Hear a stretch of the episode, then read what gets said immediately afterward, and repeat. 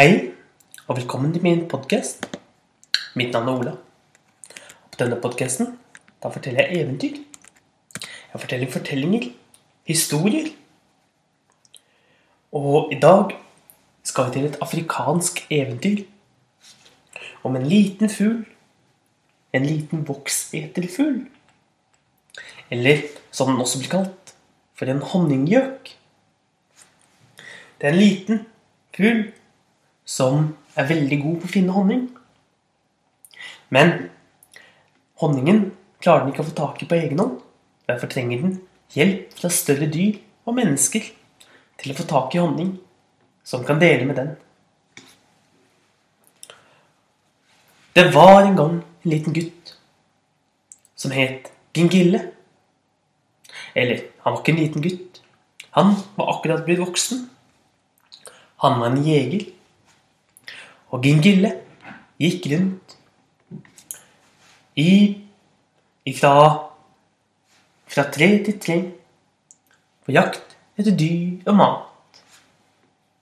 Med ett så hørte han plutselig lyden av en liten fugl som sa tji-tjing, tji-tjing, tji-tjing.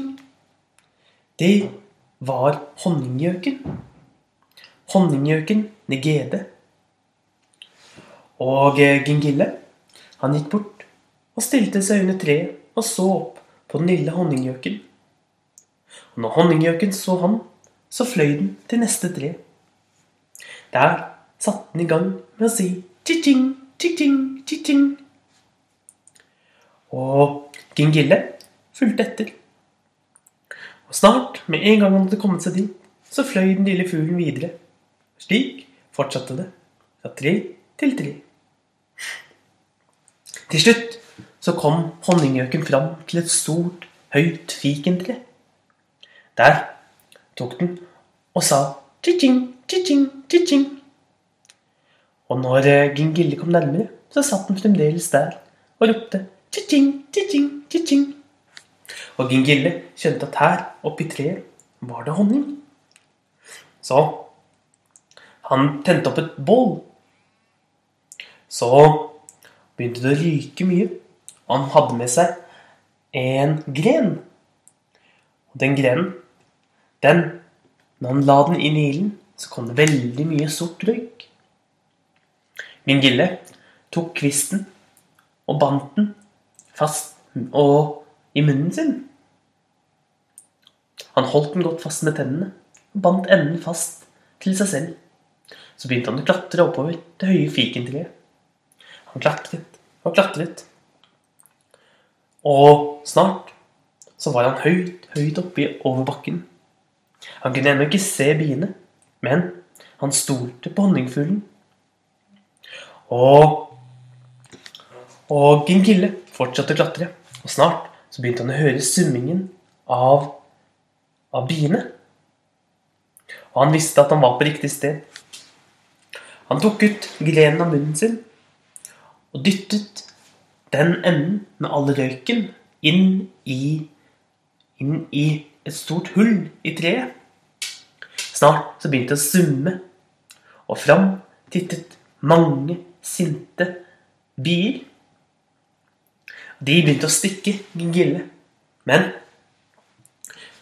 så fløy de sin vei bort fra treet for å komme seg bort fra røyken. Og så fort de hadde flydd av gårde, tok en gille og skyndte seg å stikke hånden inn i treet, hvor han fant store, store plater med voks. Med honningvoks. Og han tok og samlet med seg mye av dette og la det oppi vesken sin og klatret ned fra treet. Men når han kom ned, så satt den lille fuglen Negede på bakken og ventet. For den skulle nemlig få premie for å ha sagt fra hvor det var honning. Det har man lært opp at det skal man gjøre. Men Gingille ville ikke dele. Han var egoistisk. Så han tok heller fram spydet sitt og begynte å true den lille honninggjøken. Og honninggjøken måtte til slutt fly sin vei og var sint. Og den bestemte seg for å huske hva Gingille hadde gjort. Noen uker senere så var Gingille ute og gikk. Mett så hørte den at honninggjøken satt i toppen av tre og lagde tji-tjing, tji-tjing, tji-tjing-lyd. Han tenkte nå hadde han lyst på mer honning. Han fulgte etter Nigede fra tre til tre. Snart kom de fram til et høyt, høyt tre. Men Gingille kunne ikke se noen bier. Men han stolte på den lille honninggjøken og gjorde som forrige gang, tente opp et bål. Og snart hadde han lagd en kvist som begynte å brenne og ryke, slik som forrige gang. Han tok den i munnen og begynte å klatre oppover. Høyt oppover i treet. Men han kunne ennå ikke se eller høre biene. De er sikkert så dypt inn i treet, tenkte Gigille, at jeg ikke når dem. Før jeg kommer helt inntil dem. Og han fortsatte å klatre. Med ett så kom han opp på en gren. Men den lille honninggjøken hadde lurt han. For det var ikke noe honning i treet. Der lå det en leopard og lå og sov. Og leoparden lå og sov. Med ett så bråvåknet den og så rett inn i ansiktet på Gingille. Og den brølte og viste de skarpe tennene og Gingille ble så redd at han falt bakover og falt ned fra treet.